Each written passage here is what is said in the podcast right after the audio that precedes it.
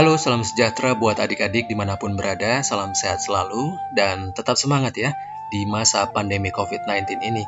Kembali kita bersama merenungkan firman Tuhan. Dan firman Tuhan kali ini adik-adik diambil dari Yohanes 14 ayat 15 sampai 17. Yohanes 14 ayat 15 sampai 17. Nah, bila adik-adik sudah menemukan bacaan firman Tuhan kita hari ini, mari kita bersatu di dalam doa. Ya Tuhan Yesus, terima kasih kami masih boleh membaca firman-Mu hari ini. Ya Roh Kudus, mampukan kami untuk membaca, merenungkan firman Tuhan hari ini, juga pada saatnya beri kami hikmat untuk bisa memperkatakan, melakukannya, dan membagikannya dalam kehidupan kami sehari-hari. Dalam nama Tuhan Yesus kami sudah berdoa. Amin. Mari adik-adik kita membaca firman Tuhan hari ini. Yohanes 14 ayat 15 sampai 17. Jikalau kamu mengasihi aku, kamu akan menuruti segala perintahku. Aku akan minta kepada Bapa, dan ia akan memberikan kepadamu seorang penolong yang lain, supaya ia menyertai kamu selama-lamanya, yaitu roh kebenaran. Dunia tidak dapat menerima dia, sebab dunia tidak melihat dia dan tidak mengenal dia.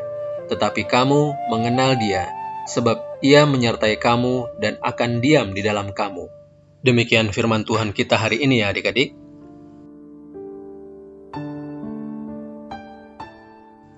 Fokus kita hari ini ada pada ayat 16 yang merupakan permintaan Tuhan Yesus kepada Bapaknya di surga buat kita.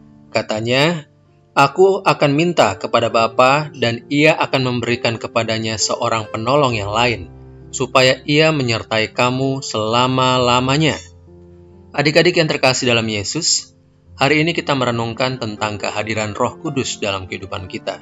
Seperti yang sudah dijanjikan oleh Tuhan Yesus kepada para muridnya, Roh Kudus pun diberikan kepada Petrus dan para rasul. Ya, kita memperingati peristiwa tersebut dalam hari Pentakosta.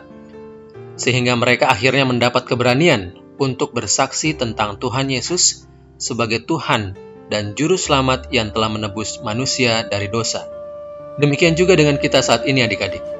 Roh Kudus ada dalam kita, menyertai kita, dan memberikan kita keberanian untuk menjadi saksi Yesus dalam kehidupan kita. Roh Kudus yang memampukan kita mengerti mana yang baik, mana yang buruk, sehingga kita boleh berjalan sesuai dengan kehendak Tuhan Yesus. Adik-adik, kita tidak bisa melihat atau menyentuh Roh Kudus, tapi kita, sebagai anak-anak Tuhan, dapat merasakan kehadiran dan pekerjaannya dalam kehidupan kita. Salah satu contohnya adalah saat kita membaca firman Tuhan setiap hari adik-adik. Tidak ada ayat yang sukar kita pahami bila kita meminta dan menyerahkan pikiran kita kepada Roh Kudus dalam doa kita. Ya, kita minta penyertaan dan bimbingan Roh Kudus dalam doa-doa kita. Mengapa?